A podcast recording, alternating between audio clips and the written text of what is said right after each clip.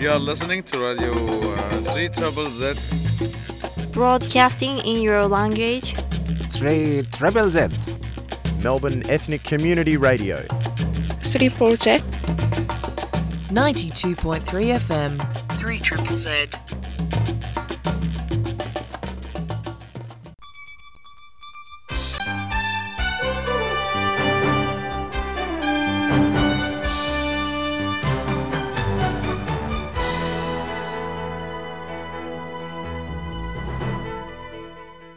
Neues von der jüdischen Welt.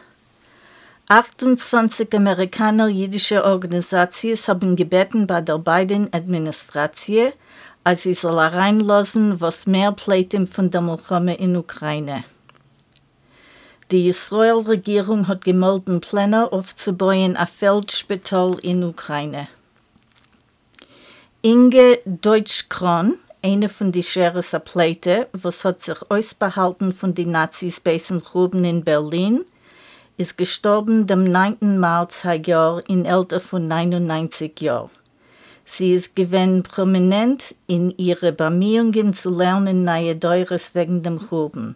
Sie hat sich umgekehrt in Berlin in 2002. 27 bis Graduierstudenten, Männer und Frauen von Yeshiva Universität und Stern College haben gelandet in Wien, wo sie wollen helfen ukrainische Plätze. Alle 25 Amerikaner jüdische demokratische Kongressleute haben untergeschrieben einen Brief, was tadelt dem Aräuslos von Amnesty Internationals Amerikaner Direktor, wo er trägt aus die Meinung, als mehrste Amerikaner stützen nicht unter Medinas Israel.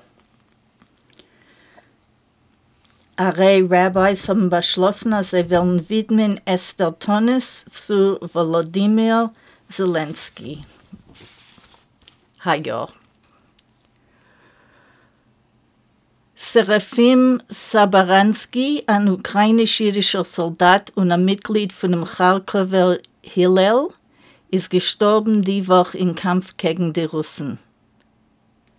Eine von den zwei Gruppen, welche bestimmen CAI des Tage der Jäurisch von swardische Jiden, wird das mehr nicht tun, nachdem wie ihr Rov ist arrestiert geworden. Spanien und Portugal haben neue Gesetze, welche geben Bürgerschaft zu den Jorschim von den Jiden, welche die Inquisition hat herausgetrieben von den zwei Ländern im 15. Jahrhundert.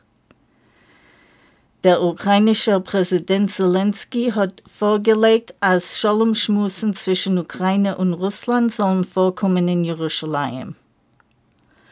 18 jüdische Sportler von Argentinien haben gespielt in Israels europäischer Fußballliga. You are listening to Radio uh, 3 Trouble Z. Broadcasting in your language. 3 Treble Z. Melbourne Ethnic Community Radio. 3 Z. 92.3 FM. 3 Triple Z.